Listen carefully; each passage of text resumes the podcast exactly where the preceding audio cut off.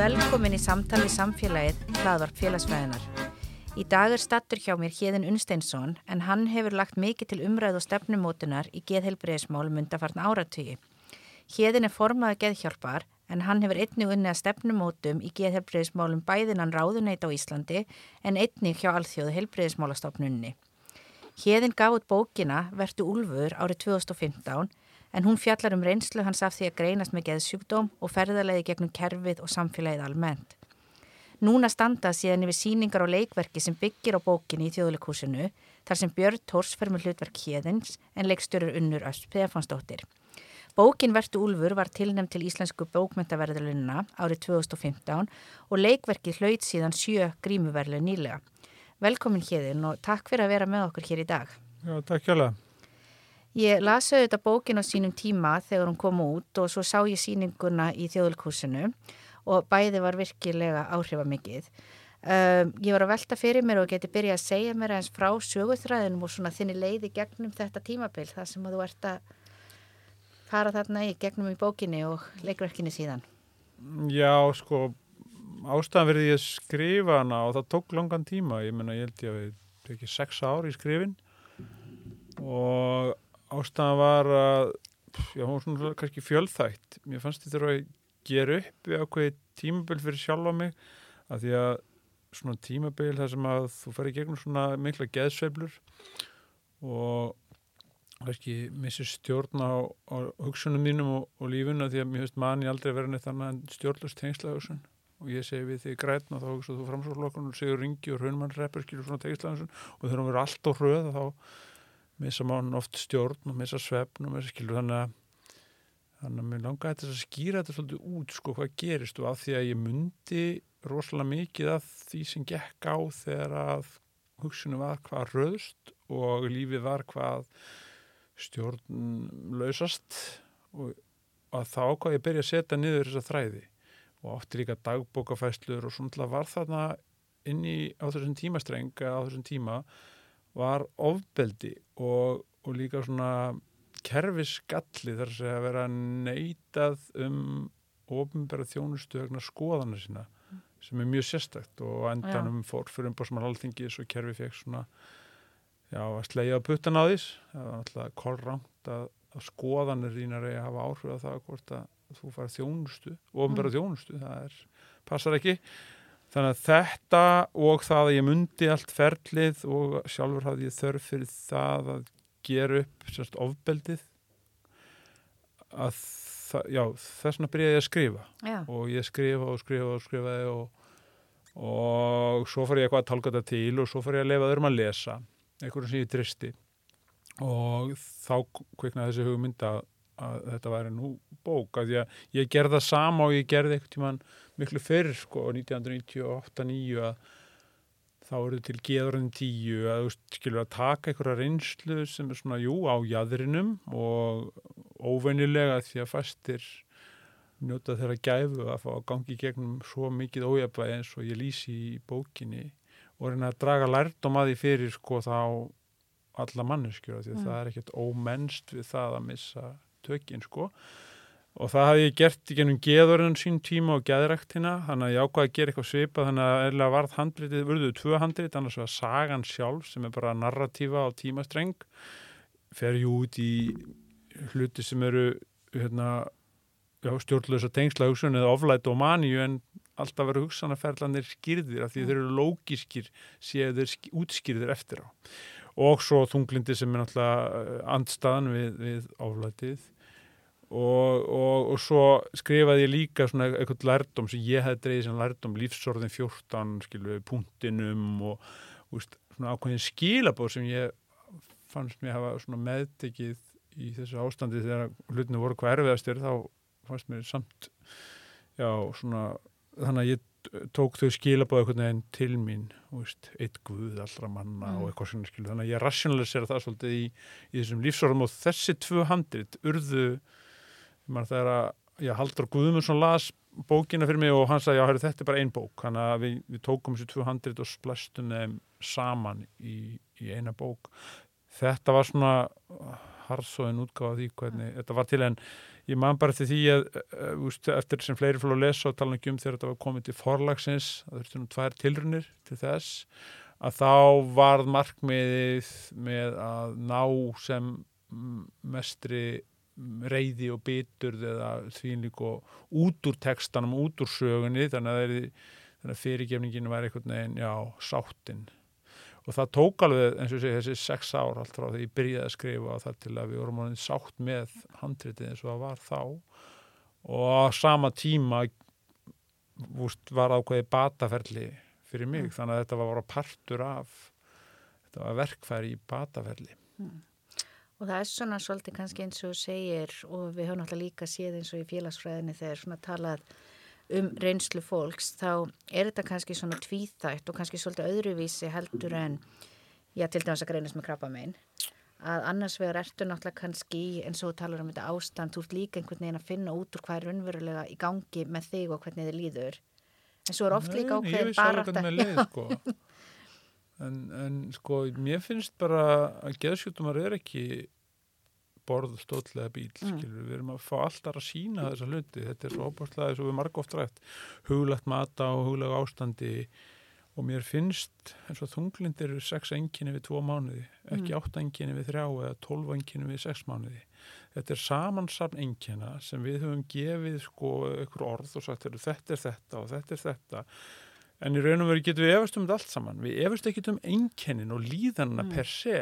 en ég bara segja að þessir sjúkdómar eru allt annars eðlis enn hinn hlutlegu já, sem við getum bara sínt fram á eru svona, svona með, með eitthvað hlutlegum blóðpröfuð, röngarmyndi eða fagpröfuð eða hvað það er. Þess vegna hef ég véfengt. Mm. Ég er ekki að segja ég sé ekki með geðkvörf. Ég hef upplifað einkenni svo kallara Mm. geðkvarfa. Jú, rétt. En tekið það saman að um 50 og tæpu tveimur árum sem ég lifað að þá er þetta sannlega 6-7% æfuminni og ég neyti einfallega að ganga með hana merki með að því að hinn 93% hafa ekkert með þessi einkenni svo kallara Mhm. geðkvarfa að gera. Og þetta er mín sín, hún er ólík sín margrannara en ég neita að láta samfélagi skilgjara mig út frá þessu. Þetta er aðaldriði. og hún náttúrulega fer svona frekar vel kannski með þeirri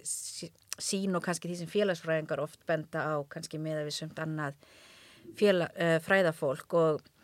uh, sem á segir einmitt mjög vel hér að það er ekki, við erum ekki með að við getum tekið myndir af heila fólks, við getum ekki tekið blóðpröfur, við getum ekki fundið þetta í rauninni sem á sama hátt segir þú ert með krabba eða ekki með krabba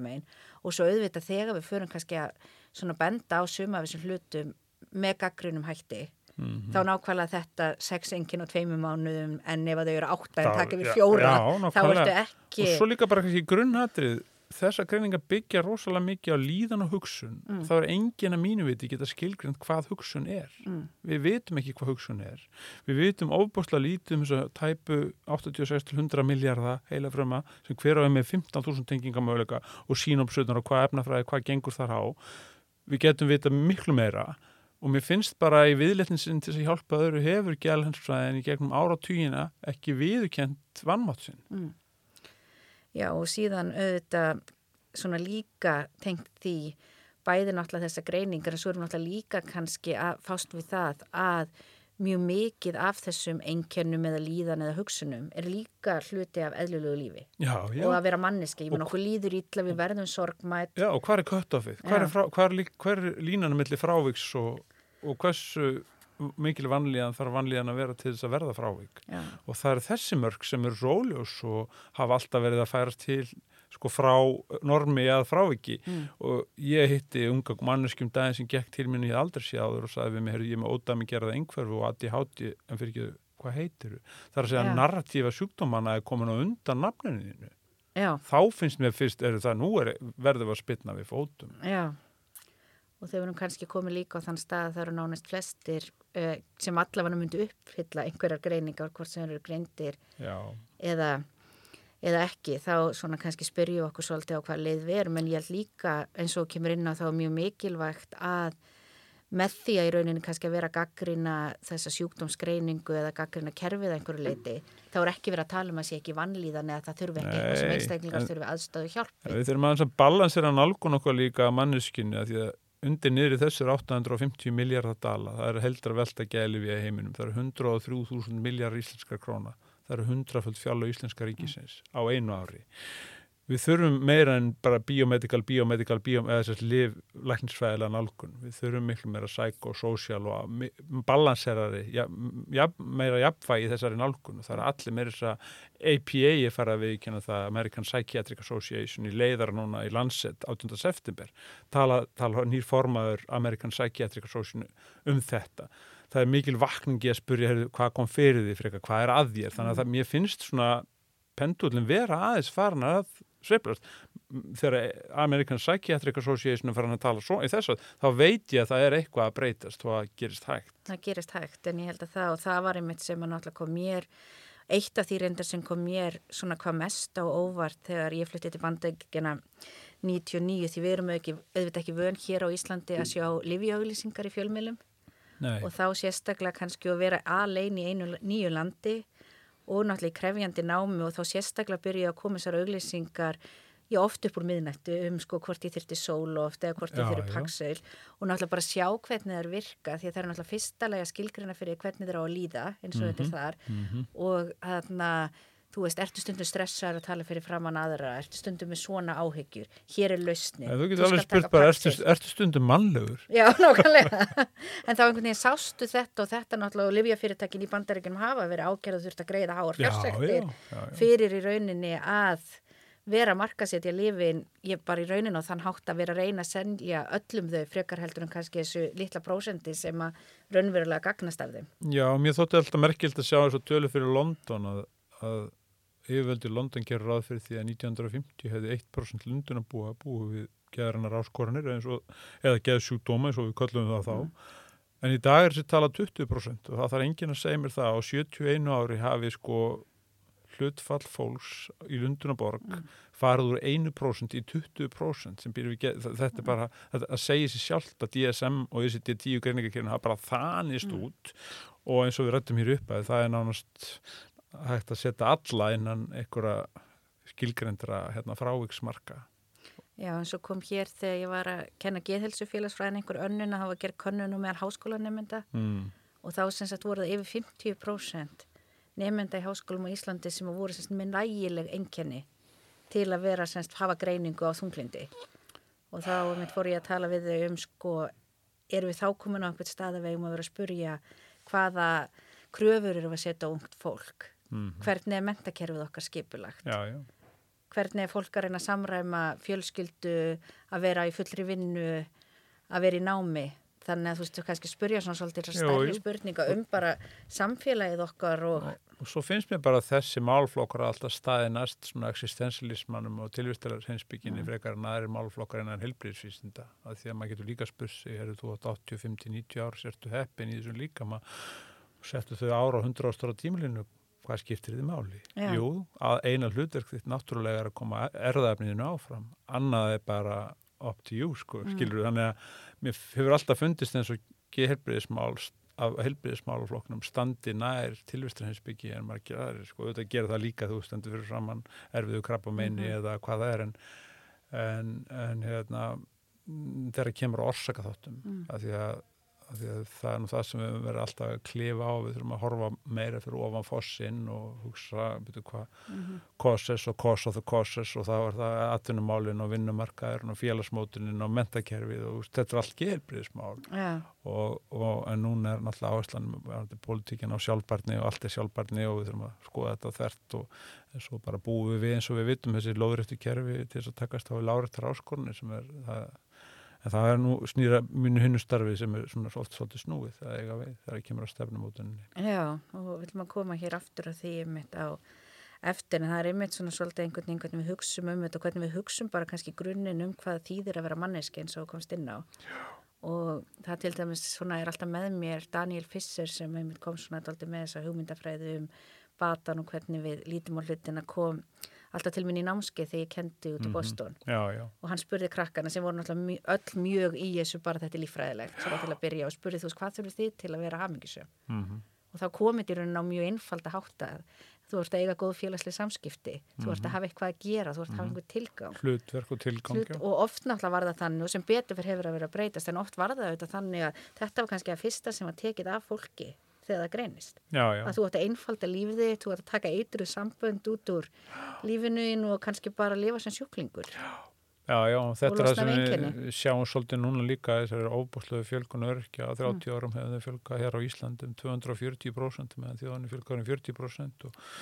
þar er föttunarflokkur um 40% af heild og, og þetta vitum við það að virkni á ykkur formi er gríðarlega mikilvæg og það geta búið, það geta haft 20, 30, 40, 50% vinnu mm. skilur á þess að sé skert, skerta bætur en, en það að ég því ekki að sé mér finnst engir örkja að vera í Íslandi mér finnst bara að vera fólk með mikla starfsketu Já, og það eru auðvitað ákveði og vandamál að- þetta er orðræði vandamál Já. að, að við verðum ég sé að fólk er í frambóð til alþingis Stefán Pétursson öryggi eða skilur, mér finnst bara einhvern veginn að við þurfum að fara að endur skilgrana okkur Mm. endur veist, en, stokka algjörlega upp í bæði hugmyndafræðinu og kerfinu sem er í kringum þetta kerfi og kannski einhverju leiti líka þó við séum alltaf að kannski verða fjölbreyttar og fjölbreyttari og eigum að vera að fagna fjölbreytileikunum og ímislegt slíkt, þá erum við náttúrulega ofta einhvern veginn reyna að setja allir sama Jú, mótið það er af þvers, það er hvernig stærsta þversum manneskja á að vera, já. við lofum fjölbyrðuleikan og málu regnbóðan hinga og hanga og svo bara viljum við steipa allir saman mót? Já. þetta er náttúrulega bara óksi morgun sko, algjör þversögn. En ef við komum aðeins svona aftur að bókinu og leikritinu og, þarna, og það er ennverð að sína leikriti í þarna algjörlega stórkvæslega síning, þannig að við heldur um að lengi áfram. Ég minn skilst þér alltaf sína á lögadöfum og sundum, allan á sundum, já, og eitthvað fram að jólum og fram með jól og ég held ég færi með það rétt að þeir ætti sér að, að sína loka síninguna beint á, á, á rúf Já, og, og svo veit ég til þess að það stand, er búið að þýða og það er eitthvað að vera að spá í útlöndum, það er eitthvað úr mínum höndum. en ég voru ég líka að hugsa svona í eigin hagsmuna uh, skyni þar sem ég er að fara að kenna geðhelsu félagsfræðina eftir áramót Mm, og ég náttúrulega bara, ég er mér reyndar held eiginlega bara allir að ég að fara að sjá þessa síningu. mm, En mér langar svolítið þá kannski að koma svona aftur í, kannski fyrst með bókina og svo kannski þú veist með leikverkið, hvaða máli skiptir í rauninni kannski nota svona að því þetta auðvitað kannski er meira komast á framfæri við almenning og svona við hinn almennu borgara, hvaða máli skiptir svona já, þetta söguform í einhvern veginn að í geðhelbriðsumræðin og hvernig svona kannski fólk hugsa um geðhelbriðsmál. Ég held að skipti kannski höfumáli þarna að þarna vera sínin í hugarheim einstaklings eða manns í þessu tilviki og það vera að reyna að rationalisera og sína fram á lógisk sko, hugsanatengst í huga sem kerfið búið að segja sé veikur. Mm. og þegar þú gerir það að þá nærðu ákveðinir samkjönd og skilningi. Og þegar þú nærð því að þá sérðu bara sniðmikið mennskunar millir allra einstaklingar mun stærra heldur en það sem skilur okkur frá hvort öðru. Skilur og Já. það setur þessa greiningu bara allt annað samingi og allt í hennu verður hún bara eitthvað eitthvað sem skiptir ekki höfu máli. Heldur það sem skiptir máli í síningunni er bara þessi sameiginlega mennsku vegna þess að fólk sem ég heiti segja já ég þekki þetta, ég þekki þetta ég þekki það, úst, það þekkja allir það að eiga ákveðin hugsanarferli hvað hugurinn fari í lúpur eða þráhyggju eða hvað það er. Þannig að ég held að stæðsti ávinningur sé eftir vil það að við mingum þetta bil millir us and them eða við og þið og eitthvað, þetta er fólki með skilur, ég held að þetta sé bara meðal yngri kynslu að það löngu farið allan að meðal yngri kynslu en svo sér maður svo aftur skrif eins og hjá okkur um mönnum sem kom aftur um forniskju eins og núna nýlega um ákveðna aðeila með afstöðu til geðsjúdóma sem er Mm. sko mjög mjög aftalega, eða sérst mjög uh, svona fornandaleg sko, Mm. en ég held að þetta sé staðsti staðista elementi að það er þessi skilningur sem næst, og svo já heru, það er þetta og þetta er ekki svo ólíkt frá því, ég, ég var eins og svona ekki alveg svona Já. mikið, en ég kannast við það Njú, það er auðvitað sem við vitum með bara eins og við færum okkur hér inn í fordóm og þú auðvitað svona vast, um, kannski ég held að mörguleiti hafi umræðan um geðelbriðsmál á Íslandi opnast mikið upp úr 2000 þegar fólk fór líka að tala um sína reynslu og nákvæmlega þetta Mhm. gerist að við sjáum að það er ekkert svo mikil munur því þetta eru náttúrulega fordómar oft byggðir á því að við erum búin að skilgrun okkur í hér eru við svona sem erum eðlileg og svo er einhverju hinnir þetta er bara þessi aðskilnar orðaða sem Já. enginn er allt samfélagi, hvítur, svartur, kona, kall, hommi, lesbíu, venjulegu, streit, me too, allt þetta, þetta er allt aðskilnar orðaða. Mm. En mennsk okkar er miklu starri en svo, við bara erum einhvern veginn svo upptíkin af þessu æ, Já, fón, eða æ, sko, ég nú sko að það er my story Já. og ég tengi svo sem alveg það sjálfur að vera að segja sjálfur þessa sögu en, en, en markmiði var semst að, að benda á það, frekar það sem við hefum samilegt með öðrum frekar en það sem skilur okkur frá. Aftur kem ég að þessu 97, eh, 90%, 93%, 7% að, þú veist, að það er ósengjart einhvern veginn að burðast með eitthvað dóm eins og þú veist í, í fordómaransóknunum hvað bara þessi narratífa og þessi stimpill eða þetta orð, þú ert með þunglindi, þú ert með þetta, þú ert með hitt getur haft sko mikil áhrif á félagslíf, þetta fél, félagslega stöðin í samfélaginu og hvernig fólk tekur eða þar fram til göttunum en það er alveg rétti þér og umræðan bröst út svona upp úr 2000 en hún var hafið fyrir, ég menna Gunnar Kvaran kemur fram í viðtali held í 86 og tjáði sig um sitt tunglindi ein af grílónum eða mannstöndi þeirri hljónsveit, mm. Herdís Hallvarsdóttir talar um eitthvað svipað. Ég menna ég tala fyrst 95 og það eru fleiri búin að gera það undan mér og svo bara sko, springur þetta alveg út þarna í, um aldamótin sko. Já, og, og, og hérna, þetta fer að vera miklu minna femnismála. Ég er myndið að fara ekki um gömul blöð núna geðvendablaðinu, geðvendaritinu frá 66-67 það er svo frólægt að skoða þessa gamlu orðræðu að því að hún er að margan hátt frá Helga Tómas, læknum og fleirum, svo sama við erum með dag að þráð, margur þráðurinn í henni er, er, er sko hinn sami. þá hvaða leiti Já, það er bara að vera að ræða til þess ég vissi það til dæmis ekki að við heldum að orðið geðrækt hefði til dæmis komið að því við báðum þóraðan eldjáttum að þýða mental health promotion á sínum Mm. tíma að við störtum geðræktaverkefninu Sigur Gummarsson þá vandir landlækni vildi tala um geðbót. Um okkur þótti það óþjált og, og, enda, og ég var að tala um geðhilsu ebling og það var alltaf mjög óþjált líka. Þannig að þóraðan eldjátt komið geðrækt en svo rekst ég bara á það núna ef gamlum geðvendablöðum að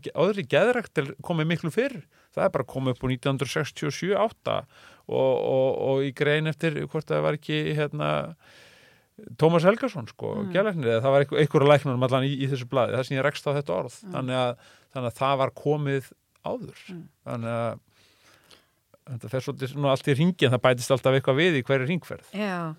að mér hans líka áhugavert sem vart að segja og tengist inn á kannski þessar breytingar og svona, en þú varst að tala um þetta kannski sko ef þú hugsaður um allar þín lífsfæril þá ertu kannski að tala um 6-7% í þessu ástandi. Já. En við höfum samt verið svolítið bæði innan kerfisins og svona sem samfélag að láta það bara skilgrein algjörlega einstaklingin og jafnvel að fólki sé sagt bara nú ert þú komið með þennan geðsjúkdóm og það er engin bat, já, já, já, það er bara þau skilabóð sem ég fekk allana fyrir 30 árum sko, en, en það er bara alveg kæftæði Mm. Skilur og það að geta hlusta á allt þetta að því þetta breytist með árunum en, en já, það er 60% en, en þó, sko, vil ég meina að er bara verið rétt 0,5% Já. eða 0,25% af því að þunglind er alltaf miklu 90% af ferlinu Mm. og ég er búin að fara í svona fjóra sveiflur og þar hefur, eh, eins og ég segi þetta verið 60% af 52 árum en, en, stjórnleysi bara rétt kannski þú veist, 0 0,25% eða hvað er en, en, en hinn hin líðanin er það er stalkjöla með fulla dóngrind og alveg bara þú ert bara svo óbústari vanlíðan Já, þunglindisenginni mm. og, og, og það er oft fólk eins og þú veist sem er fulli funksjónal í samfélaginu er í sinni vinnu en er líður illa Já. og er skilgrendi jafnvel þunglind sko. Þannig að við erum með fullta einstaklingum og þannig að ég vil menna og fræðin vilja menna líka að það séu 25% all- þjóðarinnar og kannski meira sem takist á við geðhilsu áskorunir á hverjum tíma og þegar að frávíkin eru alltaf að vera meir og meir og, og, og rammin þrengri yfir það sem er venjulegt ef þá nokkuð er venjulegt að þá er allir, er allir með geð og það þurfa allir að takast á við, við áskorunir í lífunu. Það er bara spurning hvernig þessar áskorunir verða klíniskum frávikum og sjúkdómum já. og þar, þar er debatinn mestur en þar höfum við bara því miður ekki tekin aðeins ekki samtal. Það er í fyrsta sinn núnum daginn þegar geðlarnafélagi stendur að þessu verstu, eða ertu úlfur með okkur í, í þjóðlikúsinu, þessu Já. málþingi. Það er í fyrsta sinn í 30 ár sem ég hef komið að þessu sem geðlarnafélagi hefur komið að og tekið þátt í sko umræðinni, mm. alminnisumræðinni. Þeir hafa bara aldrei tekið þátt á þér og, og þeim, eh, ég vil rósa þeim sérstaklega fyrir það, Karli Reyni og formanni geðlarnafélagsins að, að taka þá þátt. Já, vegna þess að við erum eftir að tala um svo margar hugmyndir sem komnar á staða elendis eins og livjölösa deldir og open dialog og alls konar hugmyndafræði sem við bara höfum ekki komist á stað með hér einu sinni. en, en það er ánægilegt allavega að samtalið er, er, er svona hafið. Já, og mér langar þá aðeins þegar svona komin inn í kannski svolítið þetta svona stefnumótunar um, hlutverk að því að þú hefur auðvitað líka unni mikið af því bæði hérna heima og erlendis og kannski þú getur bara svona aðeins sagt mér frá hvaða var sjónast að koma hér að og líka mjög áhugavert að heyra um hvað varst að gera hjá allþjóða heilbráðsmálastofnunni. Ég sko, eftir ég missi stjórna og hugsanarferðlunum fyrst að þá byrja ég að í samfunum við lækni minn heitinn, svona rengjum og svona blössu sín og minni kanns að skrifa bækling mm. og við skrifum bækling saman, ég og hann og hann kemur út 1995 á við lifið að Vestlana Ríkisins sem þá var til og, og í kjölfarið fór svo geðræktar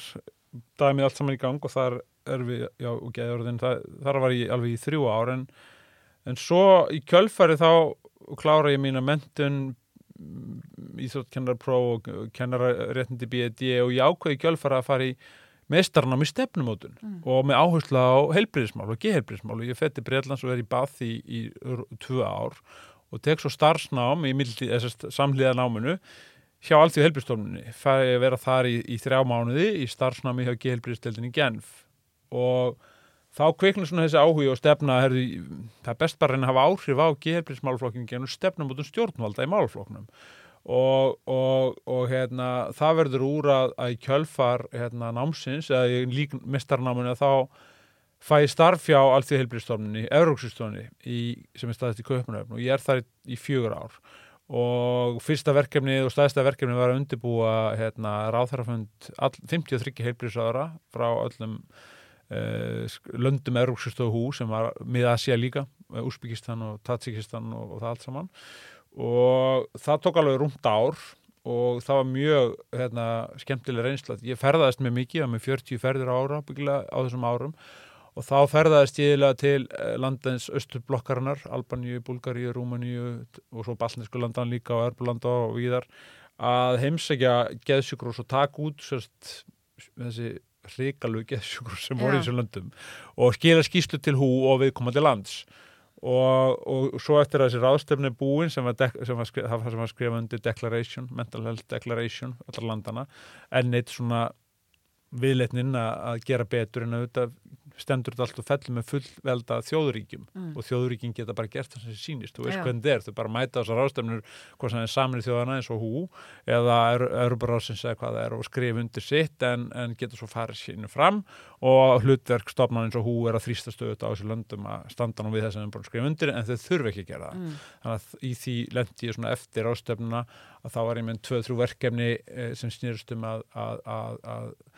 að eh, hleypa borgarlegu samfélagi og byggja borgarlegu samfélagi í Georgiu, Albaníu og Litáen til þess að hleypa þeim betur að áhrif, áhrifum í, í gehelbrísmálum og það eins og sé, hérna er ég fjögur ára og ferðast vítt og breytt mm. til uh, margra landa en kem svo heim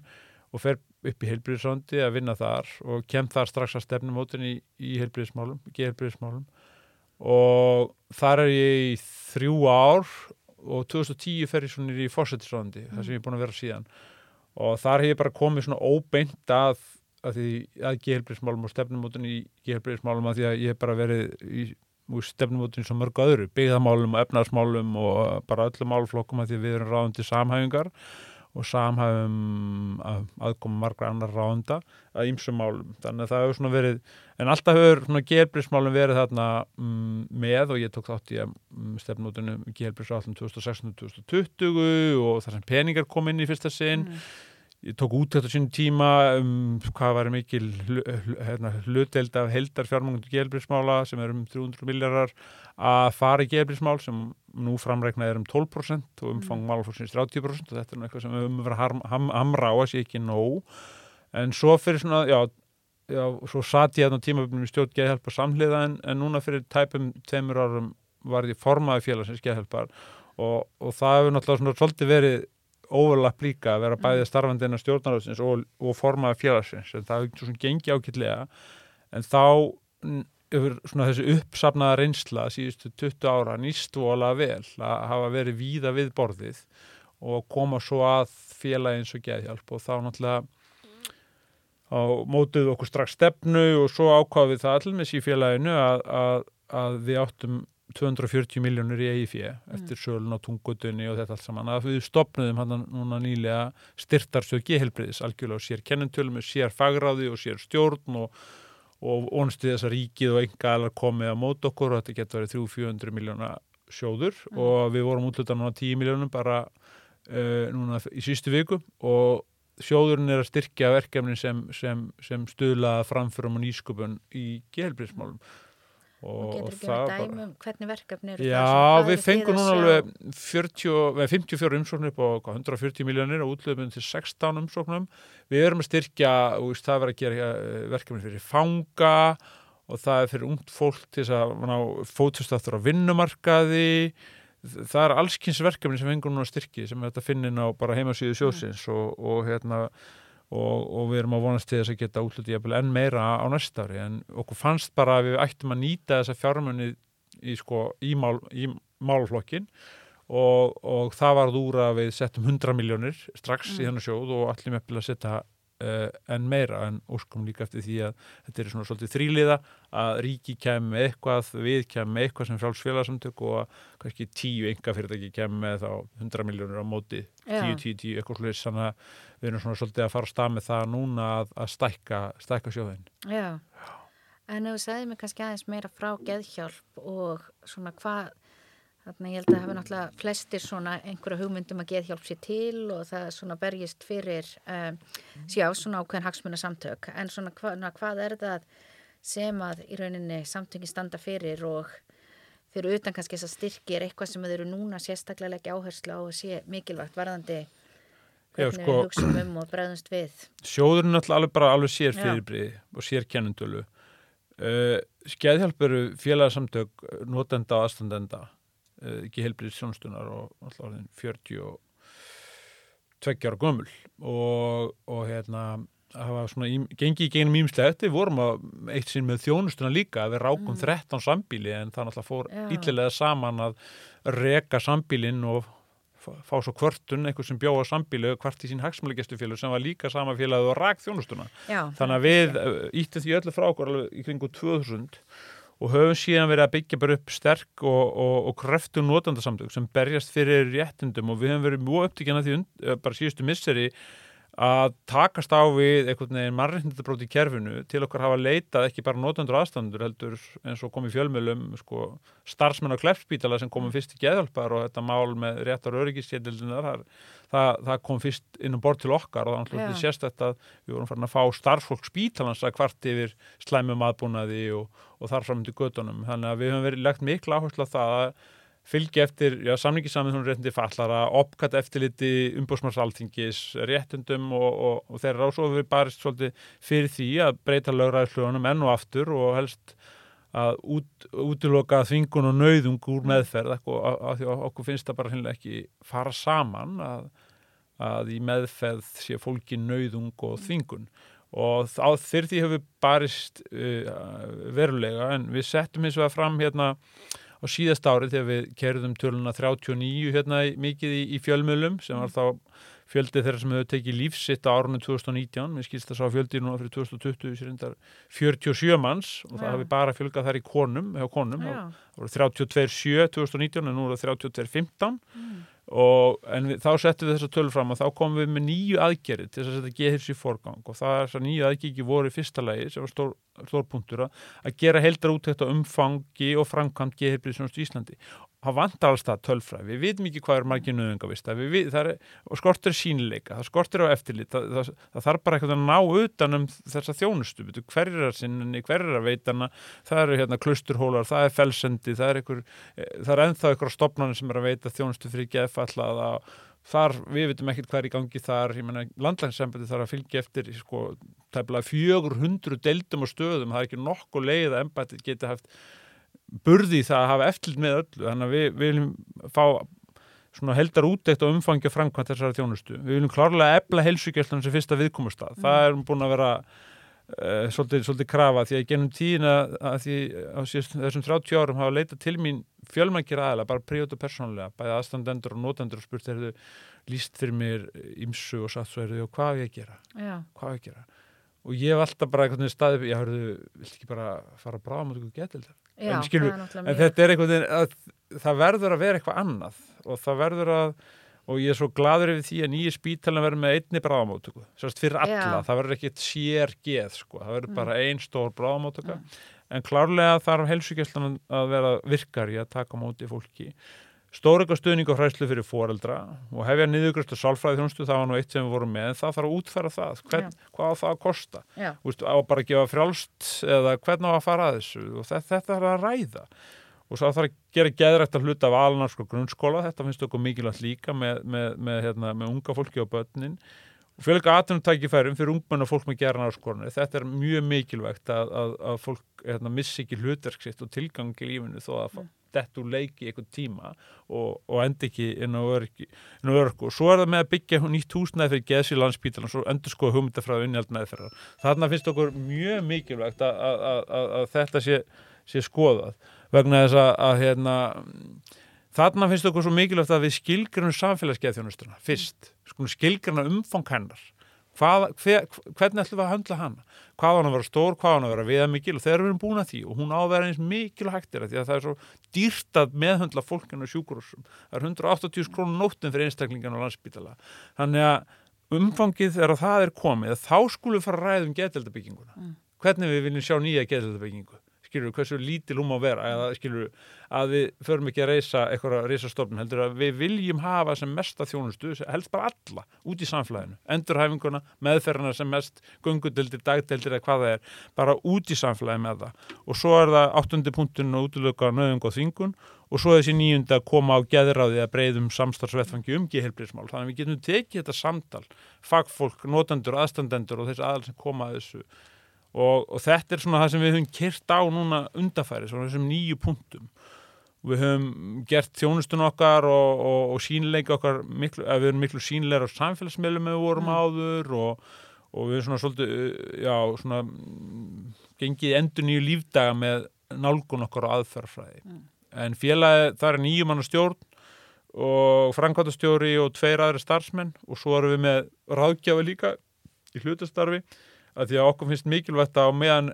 sálfræði þjónusta er ekki niðugreitt að við getum þá bóðið upp á þó við séum þarna að brjóta þetta prinsip að veita þjónustu en allavega við veitum lámars þjónustu til Mm. þeirra sem þurfa á því að hafa alls ekki efnaði að leita til sálfræðinga. Já, þannig að, að þetta er svona sirka og svo voru við, höfum við verið með verkefni sem hafa byrjað hjá okkur en, en er um það byrjað að vera sjálfstæðins og okkar heimur, það er hérna námskeið og utanumhald fyrir börn sem og ungmenni sem hafa haft foreldra með, með gerðnar áskorunir um, af enskri fyrirmynd. Og svona það er ímislegt í, í gangi hjá okkur og, og búið að vera mikið að gera hérna á, á síðustu, síðustu mánuðum. Og ég vil þakka sérstaklega öllum styrtaralun félagsins að því að fyrir rúma ári síðan vorum við með 2000 styrtarala en þeir eru komin held ég upp í 12.000 núna. Þannig að það skiptir okkur gríðarlega miklu máli að fá sjálfsafla fyrir því að við erum Mm. ekki með neina fasta samninga við, við ríkið. og er það þá bara getur, við erum bara einstaklingur út í bæ sem að gefa Já, ákveðna túsund krónur á mánuði eða hvað það er, já. já. Þannig að þetta skiptir okkur alveg höfum máli að geta rekið félagi því þetta eru sjálfböðlega Mm. samtök, það er engin að fá greiðslur í, í stjórna en slíkt ekki nema bara útlöfum kostnaði og, og svo erum við bara með, með launaðan, launaðan framkvæmstjóra og, og einn og hálfan starfsmann. já en mér langar svona svolítið kannski að fylgja þess eftir og fara líki í svona það sem við erum byrjuð að tala um hér áðan því að það er erfitt að kannski forðast algjörlega. En svona mjög mikið af þessum hugmyndum og sem við erum búin að tala um kannski endurspegla annars vegar svona ég, ákveðna gaggríni á greiningar og sjúklingslutverkið og sérstaklega þá þetta ævilanga hugsanlega sjúklingslutverk en líka sama skapi að geðrækt og hugsa um andlega heilsu og hvernig einhver líður þarf að vera miklu meira allstaðar í samfélaginu. Því að við náttúrulega göngum öll í gegnum erfi tímabil og líður betur eða verð og þá langar maður aðeins að koma inn hér með hugtaki sem við vorum oftlega rætt um sjúkdómsvæðingu sem ég veit að þú hefur líka mikið uh, velt fyrir sér og kannski svona aðeins uh, svona já bara hvað einhvern veginn þegar þú heyrir þetta hugtak hvað er það svona sem kemur út í upp í hugan og hvar svona erum við kannski stödd varðandi sjúkdómsvæðingu akkurat núna, erum við að fara frá henni? Erum við ennþá verulegt vandamál? Ég held um sé vandamál vegna þess að ég held að þetta snúist svolítið mikið um vald og þörf mannsins til þess að hafa stjórn. Mm. þörf geðlagna og, ge og geðhelbriðiskerfsins til þess að hafa stjórn á ykkur sem er svo erfitt að hafa stjórn og virðist bara algjörlega stjórnlust og það er einstaklingur í jafnvel geðrófi eða erfiðu ástandi. Mhm. og þá þurfum við að hafa stjórn og við Mm. þurfum að vita er þetta er þetta og við setjum þetta í þetta boks og það því þetta veist, þetta er bara sama og þeirra ekki alveg það sama, þetta er sambærilegt og þeirra lögreglustjórn ríkislögreglustjóra segja, heyrðu, við hefum hunda hérna um þetta gos þannig á Reykjanesinu, Já, við hefum fundað um það og við hefum tekið ákvörðinu það að leifa hrauninu að renni við suðustandaveg mm. eins og hrauninu hafi beðið um leifi til þess að gera það. Veist, þetta er viðleitni mannsins já, til þess að hafa stjórn á aðstæðin sem eru algjörlega stjórnlusar og þess vegna þarf, þurfum við að vera með allar þessar sjúkdóma til þess að ekki, svo kerfi geti já. vegna þess að endanum held ég að kjarni málsins ég sá að þróun kerfisins og þróun DSM og þróun gerningakerfana og sjúkdómvæðingarna eins og þú segir eh, hefur verið á forsendu þjónustu veitend en ekki þjónustu þega það er engi sjúklingar að byggja um þetta. Skilur við Og Þetta er fræðin og kerfið að reyna að hafa stjórn á okkur sem er stjórnlust í eðlisínu. og við höfum kannski minnst hér og náttúrulega bæði vitum nákvæmlega hvað við eigum við þegar hérna, við tölum um DSM. Já, En svona kannski hinn almenni hlustandi veit það ekki. nei, Þannig að myndir kannski svona aðeins útskýra, já, bæði svona hvað það er, hvað það gerir og líka náttúrulega, já, hvernig það hefur náttúrulega stuðlað að þessari sjúkdómsvæðing og við séum alltaf að skilgreina fleiri og fleiri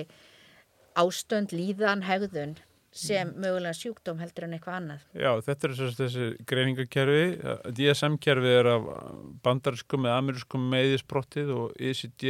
10 og 11 eru þessi, ja, ECD eru eurósku greiningakerfin og já, fyrsta greiningakerfi sem kemur er bara frá Emil Kreplin, faðir gælansfræðinar því að hún er kend í fyrsta sinn í Leipzig 1811 Mm. það er fyrsti tíminn sem er haldinn auðvitað hefur mannskefnan tekist á við lindi sko, og sinni bara aldir aftur í tíman og gríkir og, og sagan er miklu lengri en, en fyrsti svona formlegi tímin í gælinsfræði var í Þýskalandi 1811 og fyrsta kerfið, greiningakerfið kemur frá Emil Kreplin 1883 að með minnir og þar er, eru sex greiningaflokkar Mm. svona uh, frumstæðir frekar þykja mönnum í dag kannski og en fyrstu greiningakerfin ég, ég er ekki alveg klár hvernig DSM kemur fyrst sko, það er nú sannlega ekkert eftir, eftir setni heimstyrjöld sko. Já, er ekki, það er alltaf þetta stóra DSM-3 sem svona í rauninni breytir, Breytir, já, það er- mikið þar í kringu 1980. Nýt, já, jú, Robert Spitzer Já, uh, er rittstjóri þess á þeim tíma.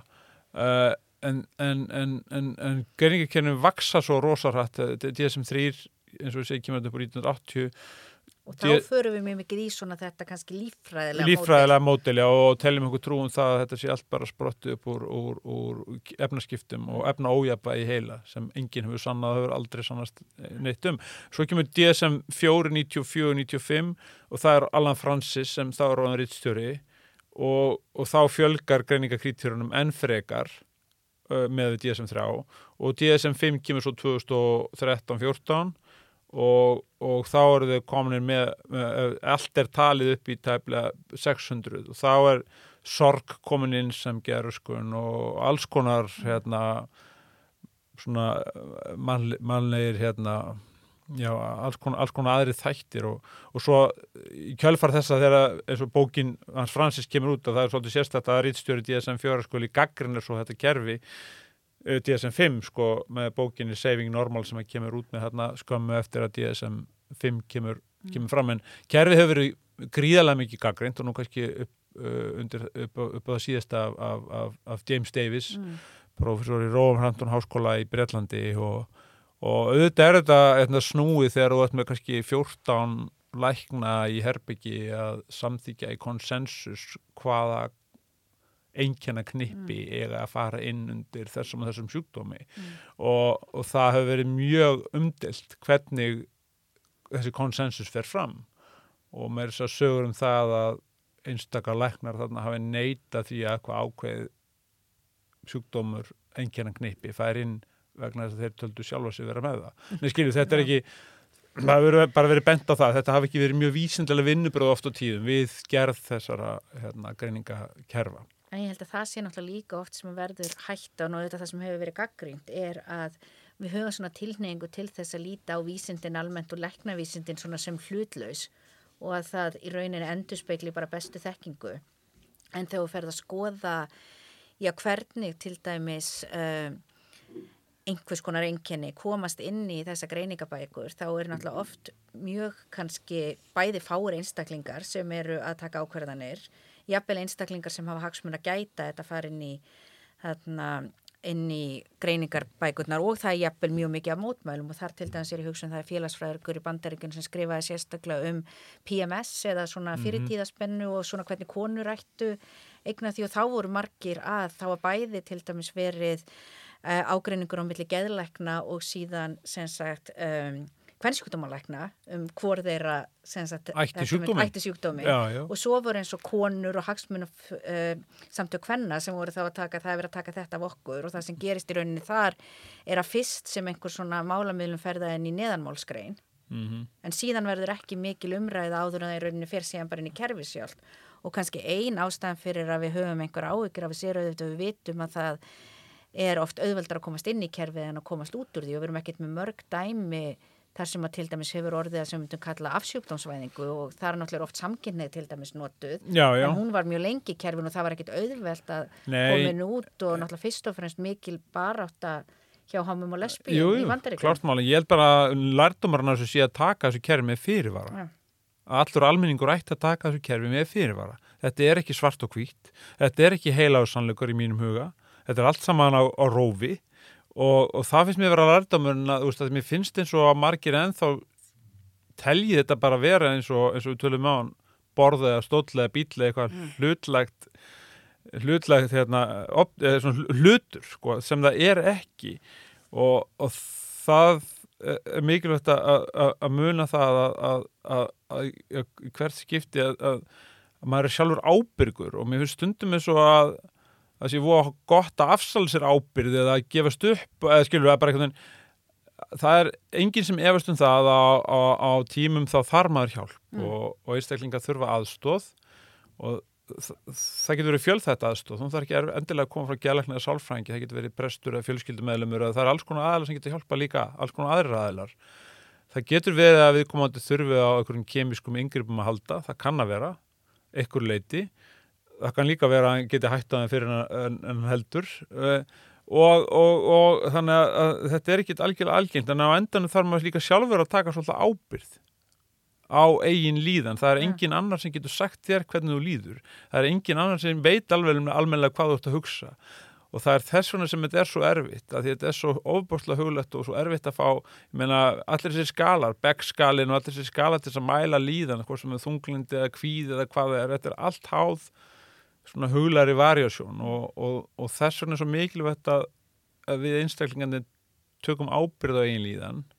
en, en, en, en þykjum hjálp þegar við virkilega þurfum á því að halda mm. og ég bara einhvern veginn séða hvernig, hvernig þessi staðista þversjón sem gerbriðskerfin okkar standa og við sem samfélagsstandum framfyrir það, hvernig óskupunum á það vera að kerfi, jú, sem er búin að vaksa svona rosalega mikið síðustu 50 árin eh, eh,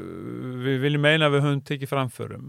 En ef við höfum tekið framförum og ef að lifinu er að vera betri og, og þar fram til göttunum okkur í óskofunum er alltaf fleiri og fleiri veikir? Mm. okkur eru örkvöldalan að stekka og stekka og stekka þetta, þetta er algjör hérna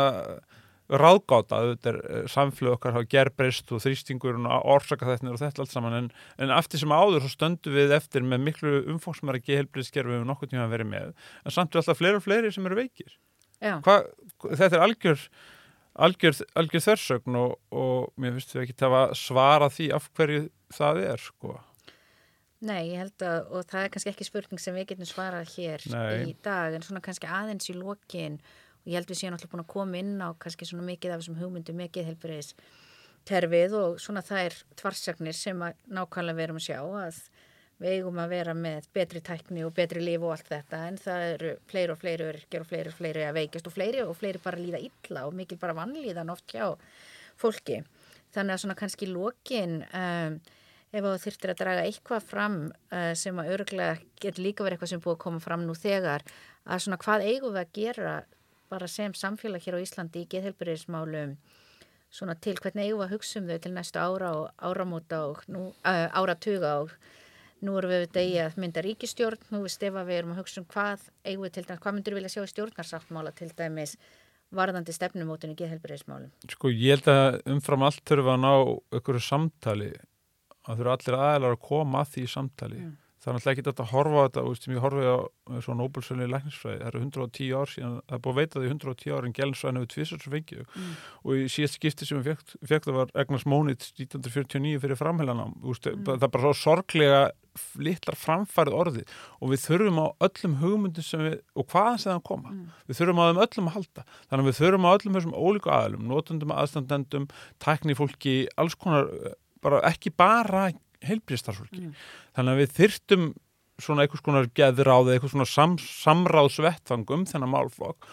og ofan á það allt saman að þá verðum við að taka inn í myndin eins og við rættum áðan orsaka þetta, hvað þeir eru fjölmargir og hvað þeir liggja í samfélagsstruktúr okkar og, og, hérna, og, og hvernig við sem samfélag funkurum og þessum kröfum og okkur í óskopunum við erum svona vannmáttu að geta aldrei verið nóg það skiptir rosa miklu máli bara einhvern veginn og það er náttúrulega heilt þáttur að ræða það allt saman en, en við einhvern veginn erum eilíflega að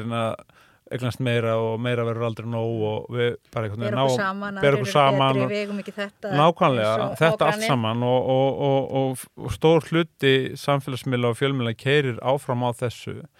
og þetta hefur mikil áhrif en ég held ef það ætti að vera eitthvað sem ætti maður ná, ná sko, þá er það bara að hefja samtali að því að mm